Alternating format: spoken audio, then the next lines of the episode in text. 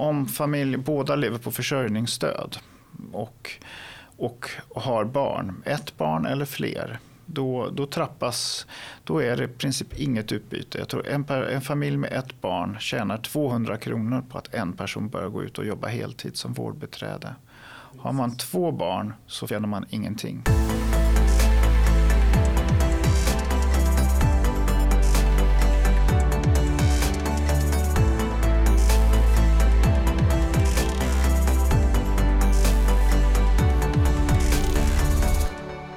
Patrik August är chefekonom på Almega som är svenska tjänsteföretagens arbetsgivar och intresseorganisation. Patrik gästade oss här förra året för att då diskutera behovet av sänkta marginalskatter.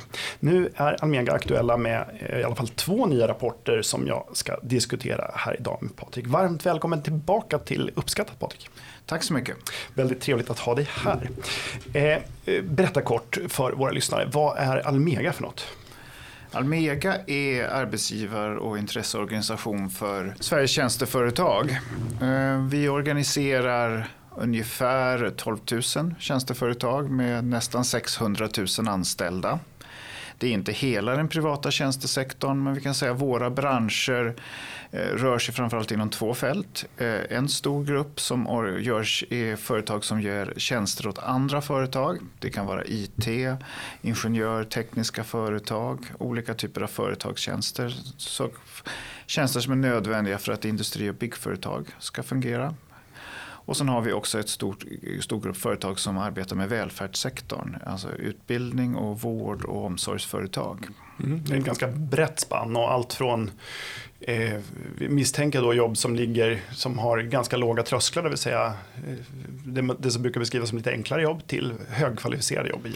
Det är rätt. Mm. Det är en, en, stor bredd av, av jobb och branscher. Mm. Och då är det ett brett spektrum som du som chefekonom får hålla reda på helt enkelt. Ja, det är mycket, men det är väldigt spännande också för man får inblickar i stora delar av svenska näringslivet. Mm, mm. Eh, den 21 mars så släppte ni det som ni kallar för tjänsteindikatorn för första kvartalet och för 2023. Eh, vad, den här tjänsteindikatorn, vad är det för någonting? Det är en pulsmätare kan man säga av hur, hur ekonomi och jobb utvecklas just in, inom tjänstesektorn. Och den ger både nuläget och blickar framåt eh, ungefär två kvartal. Kan man mm. säga. I tjänstesektorn, hur stor del av Sveriges ekonomi står den för? Jag hade Mats Kinnvall här, här om, mm. nyligen och eh, han pratar om att räkna på rätt sätt och hur stor del industrin är. Men som ni räknar, hur, hur stora är ni? Vi, står, vi motsvarar för 52 procent av BNP och 47 procent av sysselsättningen. Så runt halva ekonomin kan man säga. Mm. Det är en ganska, ganska stor del. Och det här är en bransch som har växt? Ja, man kan... Eh, andelen av BNP växer, har ju vuxit stadigt de sista 25 åren kan man säga. Mm. Och andel av sysselsättningen faktiskt ännu mer. Mm, just det. Och, och det, ni har vuxit samtidigt som ekonomin som helhet har vuxit så branschen har växt mycket. Ja, det, det är ingen tvekan om den saken. Och eh, om man tar då det du tog upp här angående relationen till industrin så kan man säga i början av, säg från 90-talet och framåt så var ju en, en, del av att industrin knoppade av verksamhet, saker som låg inhouse industriföretag blev egna tjänsteföretag. Så det, det, förklarar en del av det och det är då vad man kan mena från industrin att vi på något sätt är länkade, har, har, har kontakter med industrin. Men många av de här företagen har ju sedan vuxit på egen hand, hittat nya egna marknader och exporterar också till stor del tjänster. Så mm. Sverige, vi säger tjänsteexporten utgör numera ungefär 44 procent av den svenska exporten av, av exporterat förädlingsvärde. Mm. Sen, eh, sen är det korrekt att, att utan, utan kopplingen till industrin så skulle en del av de här tjänsteföretagen har, har en mindre marknad. Å andra sidan brukar vi säga då att utan våra, våra branscher så skulle svensk industri inte vara lika konkurrenskraftig heller. Utan det här är en, ett, ett ömsesidigt samarbete mellan de två branscherna som gagnar båda. Det är inte konkurrens utan vi hjälper varandra. Ja. Nej, och det, hela svensk ekonomi är väl oerhört väl, väl sammanflätad så att det här är väl eh, två sidor av, eh, av samma mynt. Eh, och vad är era slutsatser i, i nya, den nya tjänsteindikatorn? Ja, och den är ju det, det som vi alla uppser att, att ekonomin bromsar in mm. väldigt tydligt eh, och att det som var en, en man kan säga att, att ekonomin då, framförallt att exporten börjar nu. Vi hade ett väldigt bra exportår förra året mm. som gynnade både industrin och den privata tjänstesektorn. Men nu ser vi att i år blir det betydligt svagare export. Samtidigt så kläms ju hushållens ekonomi rätt hårt av, av den höga inflationen och de höjda räntorna som gör att hushållen drar ner på sin konsumtion i år. Och inte bara drar ner på den utan det, vi kommer se en, en nedgång på 1-2 procent av, hus, av hushållskonsumtionen och det, det är väldigt kraftfullt på helåret. Och det innebär att, att tjänstekonjunkturen också bromsar in rejält. Mm. Vi räknar ju med att, att tjänstesektorn kommer att ha negativ tillväxt redan nu här i vår. Och vad får det här för konsekvenser för svensk ekonomi om man blickar utåt? Ja, i och med att vi är över hälften av BNP så om, om, om tjänstesektorn har negativ tillväxt då innebär det också att BNP blir negativ, eh, utvecklas negativt i år. Så vi räknar med att BNP-tillväxten också kommer att BNP kommer falla med 1-1,5 procent i år och då är ju, bidrar ju till, till nedgången i vår sektor till stor del till det. Och sen mm. har du industri och framförallt byggkonjunkturens nedgång ovanpå det. Just det. Eh, men det här, eh, om man ska se det, för det här är naturligtvis inga goda nyheter, men eh, innebär det här att inflationen då kommer att begränsas också? Det, det är förhoppningen, ja. eh, att, att, att, inflation, att vi får ner inflationen. För att det är ju eh, det är en enda förutsättning att kunna vända konjunkturen, att man får tillbaka inflationen. Så att, att det här räntekrossen, liksom inte, eller stryptaget på ekonomin som höjda räntor innebär kan, kan släppa igen. Mm. Nu tycker vi att, att ja, nu är det så att inflationen har visat sig vara lite mer ihärdig än vi trodde. Så även februarisiffrorna visar att inflationen fortsätter att stiga. Räknar bort ränt, går in på kärninflationen så är den ju över 9 för den i februari. Och det är ju något högre än vi hade hoppats på. Mm. Ändå så, så, tycker vi ser tendenserna till att, att vändpunkten är nära, krönet är nära. Det kan vi se inte minst eh, på, på våra sidor att våra, våra tjänsteföretag de höjer inte priserna lika mycket. Där är ju tjänsteinflationen är drygt 7% och den är faktiskt sjunkande. Tjänsteföretagens producentpriser är på väg ner nu. Mm. Eller för att prisökningens takten är på väg att avta. Ja, och, då, och då kan vi kanske börja bana nedåt. Uh, frågan är bara hur fort kommer vi tillbaka? Kommer vi tillbaka till 2% här vid årsskiftet som man har hoppats på eller dröjer det lite längre? Mm. Eh, får det här konsekvenser för sysselsättningen? Ja, det borde få det. Mm. Men det här är en av de paradoxerna vi visade i tjänsteindikatorn. Trots att eh, produktionen eh, kommer nog förmodligen sjunka nu här i vår. Trots att tjänsteföretagen har ganska bleka framtidsutsikter. Flesta räknar med oförändrad eller sjunkande, produ- flesta räknar med sjunkande produktion. Så nyanställer de fortfarande. Även i detta kvartal ser det ut som att sysselsättningen kommer att öka något i tjänstesektorn. Vilket ju egentligen känns kontraintuitivt. Ja. Och vad beror det på? Ja, det finns ju två faktorer. Det ena är ju att arbetsmarknaden brukar lagga lite grann. Vändpunkten, när produktionen vänder neråt så brukar sysselsättningen vänta och gå åt samma håll eh, ett till två kvartal senare. Så det är en sak.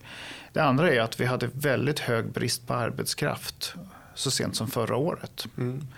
Och det kan tänkas att branscher som även nu, trots att de räknar den omedelbara framtiden, ser, de, eh, ser det dystert ut så är de, vill de passa på att anställa när de har möjlighet för att de gick miste om beställningar tidigare på grund av att de inte hade personal att kunna utföra dem. Det kan man bland annat se till exempel inom IT-sektorn och en del ingenjörsyrken att man för, kanske förmodligen samlar på sig lite personal nu. Även om man inte har ett omedelbart behov av dem så räknar man att det är en... Det kommer, man räknar med att hjulen börjar snurra igen ganska snart och att man och har då ett stort behov senare av, ja. av den arbetskraften. Ja, det är ju åtminstone glädjande för, för arbetsmarknadsstatistiken och alla de som får jobb. Ja, och, och det kan ju fungera som, som en broms, som en kudde för ekonomin. För att eh, Okej, okay, hushållen har fått sänkt köpkraft förra året. Eh, kommer kanske få sänkt köpkraft i år också. Så länge man har ändå sin, även om lönen inte är lika mycket värd som tidigare, så länge man har sin lön kvar så, så kommer man ändå fortsätta kunna konsumera. Och då innebär det att fallet inte blir så djupt som om, om arbetslösheten skulle öka kraftigt. Mm. Eh, och det är ju det, om, om man ska ta en sämsta eller den mest pessimistiska jämförelsen, 90-talskrisen, då hade vi ju en fyrdubbling av arbetslösheten på tre, på tre års tid. Och det var innebär ju att hushållens konsumtion sjönk tre år i rad. Mm. Och det fördjupade och förlängde lågkonjunkturen rejält. Om, om arbetslösheten inte stiger så mycket, folk får kan, alla kan behålla våra jobb, så, så dämpar det ju nedgången. Just det, lite mindre konsumtionsutrymme men inte någon katastrof på arbetsmarknaden för, för det stora flertalet. Mm. Kan vi tro att ekonomin eh, eh, vänder uppåt? Och, alltså räntan går ner och vi börjar se hjulen snurra ännu bättre igen? Får vi ner inflationen mm. inom ett år, eh, tidigare kom tillbaka till, till den, den nivån vi hoppas på, runt 2-3 procent, då bör ju också Riksbanken kunna släppa på räntevapnet och då bör, då bör, bör vi kunna nå vändpunkten. Mm. Bedömningen är väl ändå att vi skulle se att, att ekonomin bör kunna vända tillbaka runt eh, sommaren nästa år. Men, men det förutsätter ju att, att först man får ordning på inflationen och att inga andra dåliga nyheter tillkommer. Men vi ser ju att den internationella konjunkturen är, är ju lite bättre än den svenska. Eh, tjänstesektorn utvecklas ju väldigt bra i de europeiska länderna eh, jämfört med våra.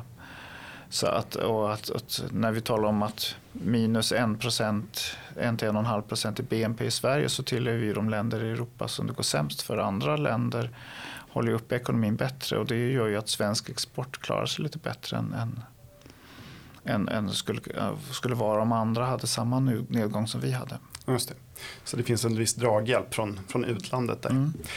Eh, hur oroliga är ni nu? För eh, avtalsrörelsen har ju kommit igång och eh, nu pratas det ju om då ett, ett nytt så kallat märke, det vill säga där industrin ger upp med sina fackliga motparter för att sätta en, ett riktmärke för hur, hur höga löneökningar ska bli här. Och nu ligger, har det första budet från medlarna kommit eh, på vad var det, ungefär 6,5 procent på två år. Eh, hur oroliga är ni för skenande löneökningar? Det här har facket tackat nej till. Ni är oroliga för att det ska bli för höga löneökningar?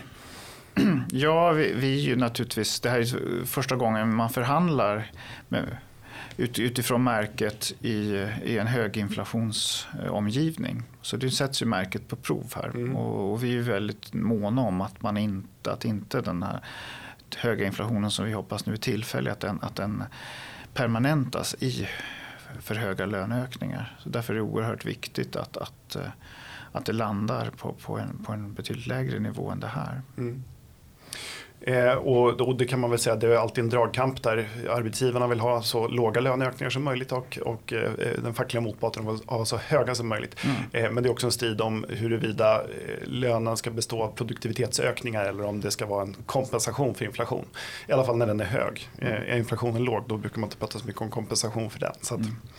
Eh, Nej, och där kan man ju inte så vi, vi ser ju bara produktivitetsökningar, konkurrenskraften, det som ska avgöra löneutrymmet. Inte, om, om inflationen skulle sätta lönerna då, då, då blir det en uppmaning till företagen att då måste de höja priserna för att kompensera sig för, för lönehöjningarna. Och då fortsätter bara den dåliga utvecklingen. Och då kan man vara inne i en inflationsspiral. Mm. Ha, eh, men det, eh, om jag förstår det här rätt då, så, så eh, produktionen hålls någorlunda uppe men, men eh, jobben blir fler och eh, tjänsteföretagens försäljningspriser kommer att öka lite långsammare än vanligt. Eh, vad kan, vi, kan vi dra några slutsatser om vad det här kommer att innebära på lite, på lite sikt? Kommer den här låga takten av prisökningar hålla i sig eller kommer man försöka komma ikapp från, från tjänsteföretagens sida sen? Um hur menar du att låga? Vi, vi ligger fortfarande på Alltså det tjänste, tjänsteinflationen är ju, eh, den är på väg ner och ja. vi hoppas ju att det är ett förebud om att den allmänna inflationen är på väg ner. På väg. Tjänst, att, att det är det som håller upp inflationen just nu är viss, vissa faktorer som till exempel de höga matpriserna som har, som har eh, varit mycket publicitet kring. Det är medan, medan andra inflationsimpulser kanske är på väg att klinga av. Mm. Men det är framförallt vägen tillbaka som, som, eh, hur lång den är som avgör hur, hur, hur skadligt det här kommer vara. Mm. Jag är övertygad om att vi kommer att komma, om konjunkturen dämpas och en del av de här yttre inflationsimpulserna avtar så kommer vi komma tillbaka till en låg inflation. Men frågan är bara hur snabbt det går. Mm. Och, det är ju det som, och, då är ju avtalsrörelsen en viktig del av det hela. Skulle det liksom, löneökningarna landa för högt här då, då, då förlänger vi ju återtåget till, till, en, till sunda prishöjningar. Just det. Och det innebär om inflationen börjar falla så kan vi kanske snart gå tillbaka mot ner. När börjar räntorna falla då? Jag tror så fort eh, centralbankerna känner sig övertygade om att, att, att eh, återtåget har börjat ordentligt och att de kan vara säkra på att vi, att vi inom, inom rimlig tid befinner oss tillbaka på 2 målet så kan man släppa mm. på räntehöjningarna till att börja med. Nu verkar det ju väl som att eh, Riksbanken närmast har bestämt sig för att höja räntorna igen i april. Mm. Den, den kan vi nog ta för given. Och då är det frågan om vad, vad de gör i juni också. Om det blir ytterligare en räntehöjning där eller om de känner att de kan släppa, släppa lite. På.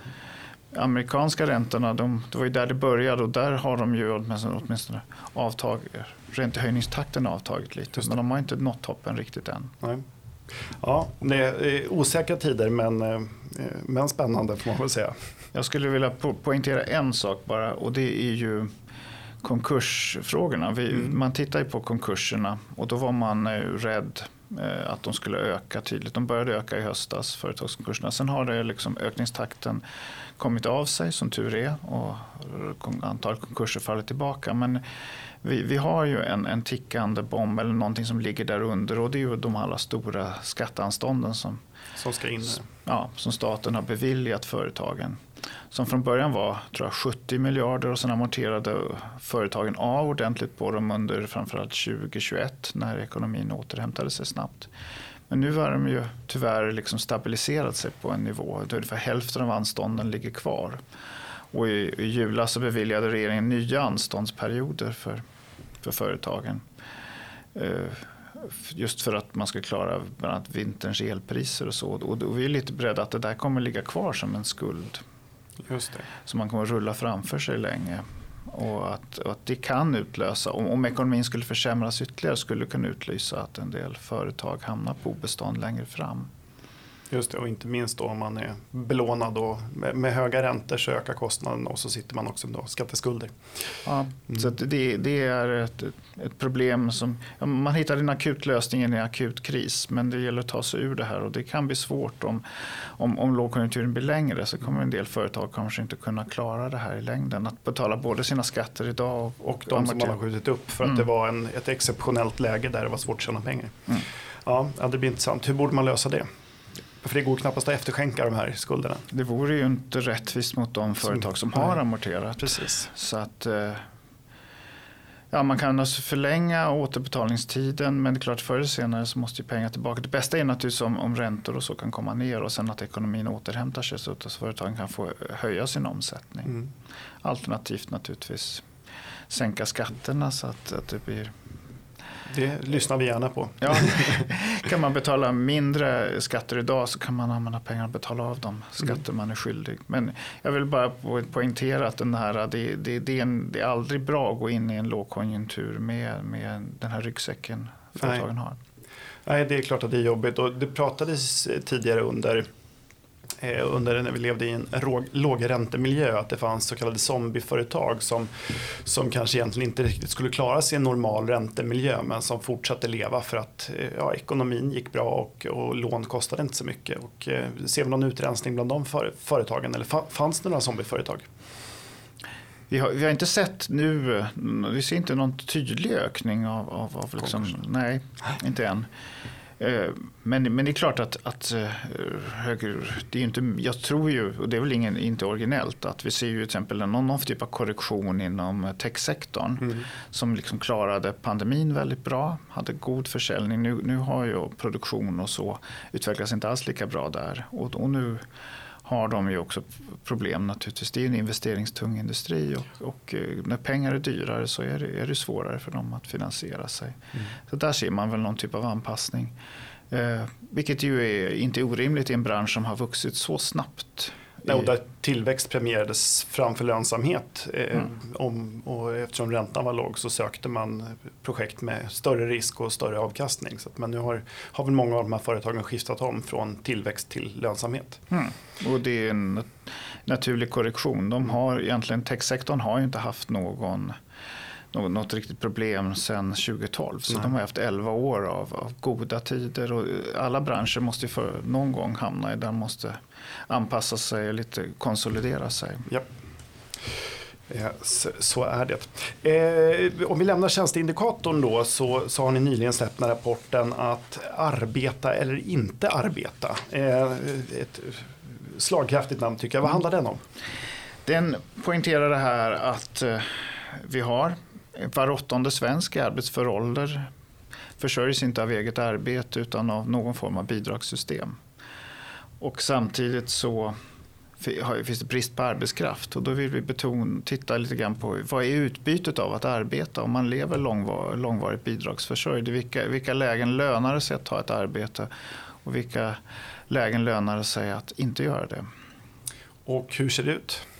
Ja, det visar sig väl att eh, om eh, vi tittade på tre bidragssystem, för vi, vi tar bort människor som är sjuka och inte, någon mån, inte är helt arbetsföra utan titta, fokusera på de som får en ersättning där man ska stå till arbetsmarknadens förfogande och ska kunna ta ett arbete samma dag.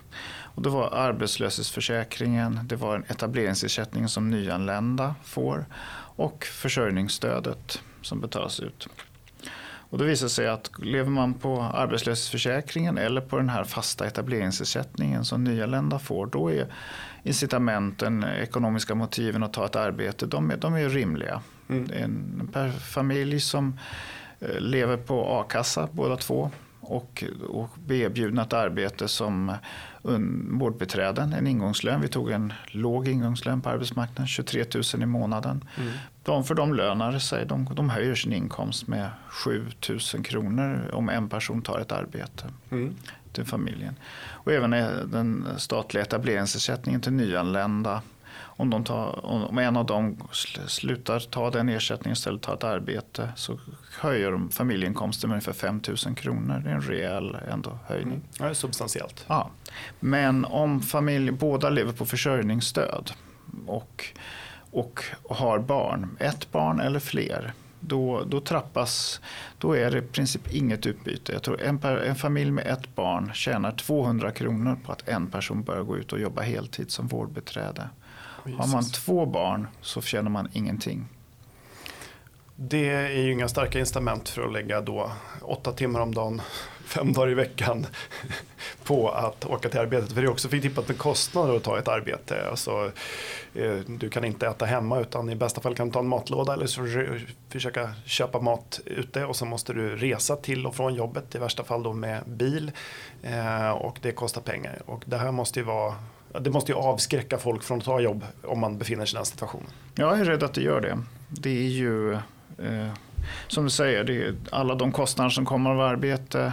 Och sen är det ju då att, att en, en person, allt det man kan göra hemma, det finns mycket annat man kan göra för att hålla ner hushållets kostnader om man är hemma. Man kan planera sina inköp på ett annat sätt. Så, mm. man, eh, så absolut, och det är väldigt synd därför att menar, i långa loppet tjänar man ju alltid på att arbeta. Vi, mm. vi såg ju till exempel, eh, det här är fattigdomsfällan, finns ju för den första som tar ett jobb. Det är ju så att om, om en person har fått ett arbete och tagit sig in och en, den andra personen i familjen börjar jobba halvtid bara eller, så, så blir det en rejäl utveckling på den lönen. Mm. Så det, tröskeln är att få ut den första personen. Har den, den ute då, då finns det jättebra motiv för person nummer två att börja arbeta. Så därför är det så synd att barriär, muren är så hög för person nummer ett. Och sen är det ju som eh, längden, när man är, det här är ju, vi talar om ingångslön. Mm. Man är, när man väl är inne, då kan man jobba upp sig. Man kan man höjer lönen med tiden, man kan byta jobb och så. så att, uh, om man väl börjat jobba och, och kommer förbi den första tröskeln så, så kan ju utbytet bli bättre om man väl kommer upp byter till ett bättre arbete till exempel. Och så. Eh, därför är det så synd att man liksom inte får något utväxling i början för det kan det. hålla en i långvarigt utanförskap. Ja, och det, ju, det blir ju en tidig investering då eh, att, att ta om det är så lite pengar man tjänar på att ta ett jobb. Och det kan ju vara eh, bökigt då, inte minst om man har barn hemma så kan det ju vara eh, ja, det blir extra, partnern får ju då bära en, en, en stor, större börda om den ena börjar jobba, om det, särskilt om det inte riktigt lönar sig. Ja. Eh, samtidigt har jag sett hur man, inte minst då från vänsterhåll, bland annat har Ali Esbati, eh, som är ekonomisk politisk talesperson för Vänsterpartiet, delat en tweet från eh, Statistiska centralbyrån som säger att allt färre försörjs med sociala ersättningar och bidrag. I fjol så minskade det totala antalet personer med, till den lägsta nivån sedan mätningarna började 1990. Eh, kan du reda ut de här begreppen? Är det många eller få som försörjs av sociala ersättningar? Ja, det är fortfarande för många. Han mm. har, han har rätt. Det är, eh, Ali Esbati och jag håller inte med varandra mycket men det, faktum är sant. Det är, det är fär, betydligt fler som gjorde så tidigare. Mm. Eh, där var det för att det var ovanligt på 90-talet, otroligt många, tidigt 2000-tal, otroligt många som levde långvarig sjuk på, eh, försörjdes av olika typ sjukrelaterade ersättningar. Mm. Och det, där skedde ju en stor del av reformen under tidigt 2000-tal fram till 2010 under alliansregeringen. Mycket där lyckas man få ner de långvariga sjukskrivningarna. Och så. Eh, men det är ändå så, trots det och trots att faktiskt arbetslösheten har sjunkit en del under, eh, fram till åtminstone till eh, nu så har, jag, så har jag också fått ner den. Däremot så mängden som lever på i, i försörjningsstöd och så är det lite mera konstant. Men det är, mm. det är en mindre grupp men, men de är ändå vi säger att barnfamiljer som lever långvarigt beroende av försörjningsstöd, ungefär hushållet talar om på 12 000 hushåll som är lite i den här fattigdomsfällan. Mm. Det, och det, det, det är nog i, i en jättestor grupp men tillräckligt stor för att den ska vara relevant här. Och om jag förstår, eh, jag kan inte eh, Många hävdar ju då också att det där riskerar att smitta även barnen. Alltså att man inte ser sina föräldrar gå till jobbet eh, under sin uppväxt så, så är det en, en, en faktor som som gör att man själv kanske i mindre utsträckning eh, är aktiv på arbetsmarknaden. Ja, eh, så det finns, finns många vinster, alltså alldeles bortsett från de privatekonomiska och samhällsekonomiska så finns det också starka sociala faktorer som talar för att, att det är bra om folk går och jobbar. Absolut. Det du nämner, att, att föräldrarna ska alltså visa exempel för sina barn att de arbetar, absolut. Sen tror jag också föräldrarnas ställning i familjen, deras möjligheter att, att utöva inflytande för sina barn och vara eh, ett riktmärke i uppfostran är mycket viktigare än de arbetar. Jag tror, jag tror att föräldrar, barn har större respekt för sina föräldrar om de arbetar och är rätt för sig än om, om de är, inte gör det. Jag tror att det, eh, och sen är också möjligheten att påverka sin situation när man jobbar. Alltså även, om, eh, även om man börjar med ett lågbetalt arbete så kan man som sagt skaffa sig ett mer välbetalt arbete om man kan jobba övertid eller helger eller sånt där. Det gör att man kan påverka sin situation. När man, sitter i, när man försörjs av bidrag så är det enda man kan vända sig till politiker.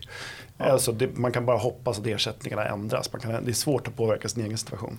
Du måste ju se det här att uh, om vi fokuserar då på, det här är ju inte alla, men en, en grupp, det här är ju någon, en, del som, en del som är i den här situationen som lever långvarigt beroende av försörjningsstöd och som inte har några sociala eller psykiska problem utan den grupp som, som faktiskt är, det är arbetslösheten som är deras problem egentligen. De har, de, de är relativt unga. Men snittåldern för nyanlända att komma till Sverige är tror jag, 28 år. Mm.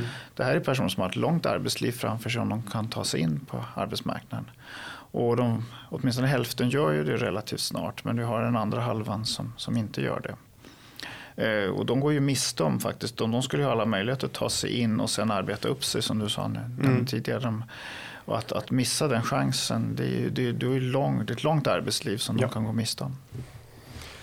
Precis, och, ja, och ju tidigare du börjar, det är inte eh, även om det lönar sig väldigt lite i början så är det, liksom, det, är det, sista, så här, det sista, eller de senare åren där man faktiskt oftast tjänar lite mer som försvinner. Ju senare man börjar desto sämre löneutvecklingen helt enkelt. Mm. Eh, eh, gott, men eh, hur kommer det sig då att vi ändå har, det är hundratusentals friska personer som, som eh, försörjs av bidrag istället för arbete. Vad, vad, vad beror det här på? Du pratade om lönsamhetsaspekten. Ja, i, i, den här, i den här gruppen så skulle jag säga att det är det. Eh, och, och, eh, och då, då, pratar vi inte om hundratusentals men vi pratar så att säga, om 12 000 hushåll, ungefär 25 000 personer som, som lever i det här läget. Det lönar sig inte överhuvudtaget. Mm. Och vad, vad Jag, jag, tycker väl att, att det är rimligt att, att man bör se till över vad man kan göra på incitamentsidan. Eh, vi har ju efterlyst då att, att man bör, bör, utreda någon typ av bidragsreform för att öka det här respektavståndet mellan arbetsinkomst och bidragsinkomst. Man talar ju om det i pensioner där att man har att, att det ska alltid löna sig att arbeta för en pensionär. Och det vore ju samma sak att göra för unga människor i den här mm. situationen. Och, och, eh, och då, då, måste man ju se, ta ändå det danska exemplet på vad man kan göra för att få, kanske få ner nivån något för att öka skillnaden mellan bidrag och en ingångslön. Men, men jag tycker då måste man jobba från andra hållet också med, med Eh, vad kan man göra på skattesidan? Mm. Eh, för att eh, en, en, så vi har efterlyst en, en inkomstskattesänkning alltså riktad då mot låginkomsttagare. Något, något ytterligare ett jobbskatteavdrag där är med lite, lite mer tyngd för de låga inkomsterna för att få upp det så man får det. Man vidgar gapet från två håll. Mm, mm. Lite lägre bidrag och lite mer pengar efter skatt om man jobbar.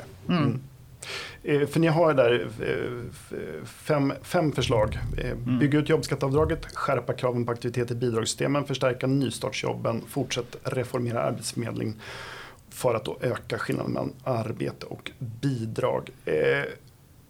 Jobbskatteavdraget nämnde du, skärpt aktivitet i, för att få ersättningen med systemen. Det är, påminner det här om det förslag som Moderaterna nu nyligen la om eh, krav på aktivitet för att få bidrag? Ja, eh, det är ju det här är problem som är kända av alla. Som alla har ju föreslagit olika lösningar och jag tror eh, det är bara att välja dem. Det svåra är nog inte att föreslå dem, det svåra är att genomföra dem. Men, jag tycker, men det här att, att ökad aktivitet för personer som eh, lever på framförallt försörjningsstöd och så, det, det, det, tycker jag det är nog det man kan genomföra snabbast mm. ändå. Och krav på aktivitet skulle vara någon form av, av sysselsättning men som inte konkurrerar då med, med det privata näringslivet? Ja, och jag tycker ju i någon mån att också utbildningsinsatser kvalar ju in här. Mm. Inte minst eh, liksom SFI. Att de som inte har en godkänd SFI att de, att de ska fortsätta läsa till dess att man, man och så i förlängningen också ett godkänt språkprov. Att det kan vara en morot mm. ovanpå det. Eh, och andra korta arbetsmarknadsinsatser, att man ska vara tillgänglig för det. det, det har ju två, de har ju två aspekter av det. Det ena är ju att faktiskt det gör en ju mer, det viktigaste är att det gör en bättre redo, större chans att få ett arbete. Det andra är att man eh, vänjer sig att gå hemifrån och att göra någon typ av aktivitet.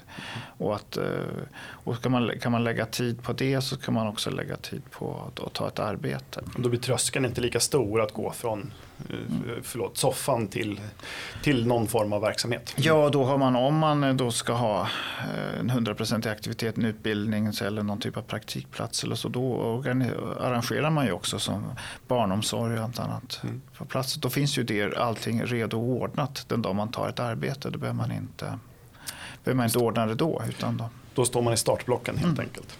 Eh, reformera Arbetsförmedlingen, vad innebär det?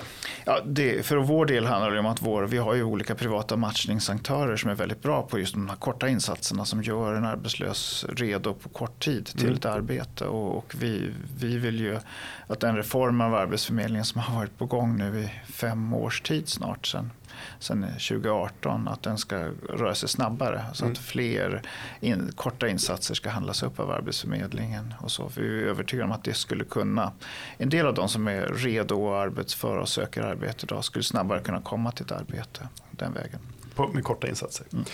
Eh, hur är det, finns det, vi pratar ju då om eh, en ganska stor del av de här, om jag tolkar det rätt, är personer som är skapligt nyanlända. Eh, de har då kanske i stor, större utsträckning inte så goda språkkunskaper i svenska och kanske en bristande utbildningsbakgrund därför att skolan ser helt annorlunda ut än, än den gör i Sverige. Finns det tillräckligt med liksom, jobb som de här personerna kan ta som, som inte kräver så höga kvalifikationer? Ja, det är ju, naturligtvis är ju utbildningskraven på svenska arbetsmarknaden eh, ovanligt höga. Det har varit ganska få jobb som har Sverige som har varit enkla jobb som du inte kan ta utan en, en gymnasieutbildning. Men det finns betydligt fler än, än man kan tro. Mm. Och vi har ju framförallt under förra året en stor brist på arbeten inom inom servicesektorn och enklare vård, vårdutbildning. Vi sa ju att senast i, i februari så fanns det 33 000 jobb som, som du kunde ta med en relativt kort utbildning eller ingen utbildning alls som var lediga och, och inte hade besatts på en månad. Mm. Och det är väl också ett utmärkt sätt att också kvalificera sig. Alltså det finns väl mm. skola och utbildning i all ära, men det, den bästa utbildningen brukar ju vara på jobbet. Ja, och det är ju inte ingenting som hindrar en att man, man tar ett arbete och, och man, man hittar en vidareutbildning och jobbar upp det sen. Mm. Men, men det är ju lite, det, det är ju lite av en myt att det bara finns jobb för de som är väldigt kvalificerade. Brist, mm. Bristen har varit större inom mm. kvalificerade yrken men det har funnits gott om lediga jobb Eh, inte minst de sista två åren efter pandemin har funnits gott om lediga jobb inom service, besöksnäring och vård, hem, hemservice. Vi är redo att ta här och nu. Ingångslönen är inte så hög men det går att höja den ganska snart. Mm. Eh, hur är det på lite längre sikt? Den här eh, rapporten att arbeta eller inte arbeta handlar ju specifikt om personer som, som idag är utanför arbetsmarknaden. Eh, vilka andra reformer ser ni från Almegas håll som skulle kunna stärka eh, tjänstesektorn och i förlängningen då hela svensk ekonomi? Vad, vad, skulle, vad skulle behövas? Vi har en, en regering som har anklagats inte bara av oss utan också av andra för att vara lite reformfattig hittills. Vår, vår, prioritering, vi tror att menar, vi ser ju det i tjänstesektorn som växer. Den skapar, de flesta privata tjänstesektorn skapar ungefär 60 procent av alla nya jobb i Sverige. Den är väldigt arbetsintensiv. Och som du sa, våra, den, vi spänner från relativt enklare tjänstejobb upp till väldigt kvalificerade jobb. Men det som sammanfaller alla de här jobben är att det är arbetskraften som är stora produktionsresursen. Den står för 80 procent av företagens kostnader. Och vi beskattar arbetskraft ovanligt högt i Sverige. Inte bara inkomstskatterna utan arbetsgivaravgifterna, det företagen betalar, det dolda lönepåslaget är det femte högsta i Europa. Mm. Och ovanligt också den största skattedelen. De länder i Europa som har högre arbetsgivaravgifter än vi, de har ändå de mer individuella. De går till personens egna förmåner, mycket tydligare än i Sverige. Medan i Sverige, ja, vi tar ju mer än en tredjedel, kanske vissa hävdar uppåt hälften av arbetsgivaravgiften i Sverige är egentligen någon form av löneskatt bara som inte... Ja, för, för, för, alla är den ju en, ungefär en tredjedel i den allmänna löneavgiften som, som inte är kopplad till socialförsäkringen alls utan det är ju bara en inkomstskatt. Och sen så är ju de andra delarna kopplade till olika typer av ersättningar men de eh, försvinner ju över vissa inkomstgränser. Så, så ju, mer, ju, mer, man tjänar desto mindre andel av arbetsgivaravgifterna går ju till, till socialförsäkringar. Mm. Eller om du tjänar väldigt lite så går inte pengar, får du inte rätt i de här systemen heller men du betalar likväl arbetsgivaravgift. Ja, så det, jag tror att i praktiken så är det i alla fall över 40 procent tror jag mm. av, av, av arbetsgivaravgiften som egentligen är en statlig löneskatt. Ja. Och, eh, och, det, och det, vi ser det som att de höga arbetsgivaravgifterna de, de hämmar eh, ekonomin från två håll egentligen. Det ena är att den gör det svårare att skapa eh, tjänstejobb, bas av tjänstejobb, enklare och medelkvalificerade tjänstejobb för det är dyrt.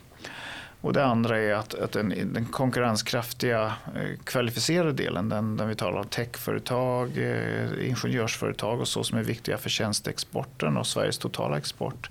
De hämmas av att, att vi har också då höga arbetskraftskostnader jämfört med andra utvecklade tjänsteindustriländer som Tyskland, Frankrike, Nederländerna, de andra, våra andra konkurrentländer. Där, mm. där utbildningsnivån är lika hög, näringslivet är lika avancerat som det svenska. Vi kan liksom inte konkurrera, vi kan inte ha högre kostnader än dem för deras kvaliteten i det de producerar är lika bra som vårt. Just det. Eller, och där, så vi, vi har ett intresse, eller tycker det är oerhört viktigt för att utveckla både den enklare och den mer kvalificerade tjänstesektorn genom att få ner arbetsgivaravgiften till en nivå som är mer konkurrenskraftig med eh, andra länder i Europa.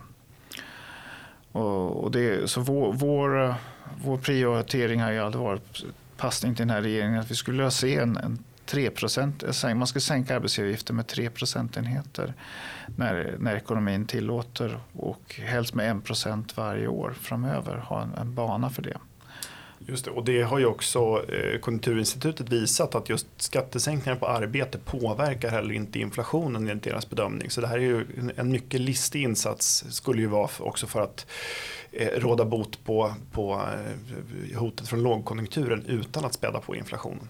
Absolut, det är, det är en av de få kanske insatser man skulle egentligen kunna göra redan nu. Att faktiskt minska risken för en ökad arbetslöshet framöver och kanske faktiskt också hjälpa till att ta ner inflation, kyla av inflationen lite till. Så mm. en, en, en sänkning av arbetsgivaravgiften redan i höstens budget skulle vara väldigt välkommen och antagligen mm. väldigt effektiv.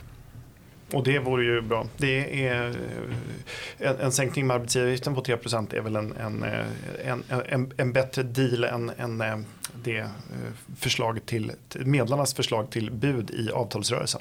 Så det skulle vara bra pengar i plånboken för, för, för den anställde. Ja, eller, vi, eller, eller sänkta kostnader för arbetsgivaren, beroende på hur man ser det. Det är ju, där är ju en de saker man har diskuterat. Var, var kommer pengarna? Och det är väl så att den senaste forskningen har väl visat att i första hand så sänker det ju företagens kostnader och kan då innebära eh, att man har möjlighet att anställa fler till mm. exempel. Mm. Expandera verksamheten och anställa fler. På, på, på, längre sikt så ger det väl kanske också reallöneökningar till, till, till arbetstagarna. Mm. Så att på, på, sikt så vinner nog båda sidorna. Mm. Ja, och jag tycker ju själv att vi borde, innan vi börjar sänka dem så borde vi faktiskt överföra alltihopa till lön. alltså att tydligt åtminstone redovisa hur, mycket, hur höga arbetsgivaravgifterna är. För att, eh, det är inte, din, din lönekostnad inklusive arbetsgivaravgifter är ju vad du kostar din arbetsgivare när du blir anställd och det gäller att ha det i åtanke. Alla skatter bör ju synas. Ja. Man bör ju se vad man betalar på alla, på alla punkter. Precis. Eh, och det skulle kunna gälla även momsen. Spännande. Är någon annan del i önskelistan som du skulle vilja räcka över till regeringen? Vi, vi ser ju naturligtvis på, på lång sikt så, så är ju eh, liksom, arbetskraftens kompetensutveckling oerhört viktig. Men den innehåller så många punkter. Mm. Eh, men vi ser ju nu att vi har, vi har en, en arbetskraft som inte utvecklar. Alltså vi har demografi som innebär att de, de äldre som lämnar arbetskraften är fler än de yngre som kommer in. Så vi måste, måste höja, höja kompetensnivån på arbetskraften ytterligare. Och vi har i Sverige levt länge på att vi har haft hög, liksom, hög kompetens jämfört med andra länder. Men det som man ser tydligt är ju att eh, andra länder i Europa kommer ju kapp. Mm. Vissa har gått förbi och även de länder i Centraleuropa så vidare som vi tänker oss som låg lågkvalificerade länder är ju inte det riktigt längre. De var de, billigt och dåligt som man kunde komma från de här länderna förut. Nu är det billigt men inte alls dåligt mm. längre. Och det betyder att vi måste fortsätta utveckla eh, och kompetensen hos arbetskraften. Och då får vi kanske syn, det handlar inte bara om de unga utan också att de faktiskt som finns ute på arbetsmarknaden idag måste höja sin utbildningsnivå. Just det. Ja, och, och uppmana dem att jobba mer. Vi såg det när man trappade av jobbskatteavdraget, det vill säga mm. höjde skatten i praktiken då för, för höginkomsttagare. Så var väl IFAU som konstaterade att det slog omedelbart tillbaka i att de jobbade mindre. Det var olönsamt, inte bara för arbetstagarna utan också för, för statskassan. Eh, och det är klart att riktigt högkvalificerade personer, vi, vi ska ju inte tvinga dem att arbeta men, men det är ju synd om vi avhåller dem från att arbeta. Mm. Ja, och den, det, där har vi ju haft eh, tyckt att eh, lägre marginalskatter där högre upp är också viktiga. Mm. Och, och, och, där har vi tyckt att eh, period där har väl varit brytpunkten framförallt. Eh, mm. och det, det var ju glädjande att att man ändå justerade upp brytpunkten fullt ut. Inte föll för någon frestelse här i, vid årsskiftet och, och liksom prutade på den höjning. Med, Just det, man räknade upp den med inflationen. Precis som man, som man ska göra. Man, mm. man använder inte tillfället till, till, som man gjort, vissa regeringar gjort tidigare, att, att pruta på det. Utan man gjorde det fullt ut. Och det betyder att betydligt färre ska betala den extra 20 procenten. Den statliga inkomstskatten. Mm. Och det är klart att på lång sikt, lång sikt är det en prio att flytta den gränsen ytterligare uppåt. Eller kanske helt avskaffa den statliga inkomstskatten. Skulle man kunna tänka sig från, från ja, vårt håll? Det är inte mig emot. Strålande. Eh, vad, har du något annat spännande på gång på Almega här under våren? Ja, vi arbetar ju mycket, mycket med konkurrensfrågor. Mm. Eh, det har vi rapportsläpp på gång alldeles snart angående det här med konkurrens mellan offentligt och privat. Mycket framförallt ute i kommunerna mm. där kommuner ger sig in i olika affärsverksamheter. Trots att det är olagligt? och, och tyvärr då lite drar undan benen för lokala småföretagare som kämpar, kämpar kanske på en, på en besvärlig marknad men vill upprätthålla en viktig service och så kommer offentliga in och, och lite grann gör, drar undan benen för det. Och de har en skattebetalarnas plånböcker att gräva ur för att finansiera sin verksamhet också. Vilket ju då blir eh, dubbel kostnad. För först, först försvinner kanske en, en lokal entreprenör. Eh, sen sitter kommunen och har ensamt ansvar att försöka upprätthålla den här servicen och kanske måste göra det med skattebetalarnas pengar, ja. lägga in och det blir ett, ett, svart, ett underskott för dem som de får finansiera i längden. Just det, och ovanpå det så kan man konstatera att kommunen sällan är en eh, lika duktig företagare som, som företagare är. Mm. Ehm, så kan det vara. Ja, spännande, får vi hålla ögonen öppna vi för det. Vi har också en, en positiv nyhet lyfte här. Och vi talade om att tjänster utgör 44 procent av svensk export och vi kommer också ta fram en ny rapport om potentialen för utökad tjänsteexport i EU. Mm. Som där svenska företag ska kunna hålla sig framme mer om EUs regler för tjänstehandel eh, ytterligare liberaliserades så att tjänster kunde få lite samma möjligheter som varuhandeln att röra sig fritt. Mm. Vilket är positivt då, om man, säger, man vänder sig till stora möjligheter skulle kunna innebära. Ett land som vi är som ligger långt framme med en väldigt avancerad tjänstesektor. Vi skulle kunna utnyttja det och tjäna mer pengar till Svensk, svenska, ja, svenska ekonomin och, och välfärden på sikt. Och samtidigt erbjuda då bra tjänster till, till andra länder, vilket är bra för dem också. Mm. Handel är fina grejer. Eh, tack så mycket för att du kom hit Patrik. Kul. Vi fortsätter att hålla ögonen öppna på er och vill man följa ert arbete så gör man det enklast genom att gå in på almega.se. Uppskattat det är en podcast från Skattebetalarnas förening. Vi arbetar för låga och rättvisa skatter, rättssäkerhet för skattskyldiga och minskat slöseri med skattepengar. Vi bildar opinion och folkbildar i skattefrågan. Och vi lever som vi lär och tar bara emot frivilliga bidrag. Uppskattar du podden så får du gärna ge oss ett högt betyg i din app och vill du medverka till att Sverige blir ett land med minskat slöseri och rimligare skatter så stödjer just enklast genom att bli medlem. Bli medlem och läs mer på www.skattebetalarna.se bli medlem. Till nästa vecka, ha det så bra.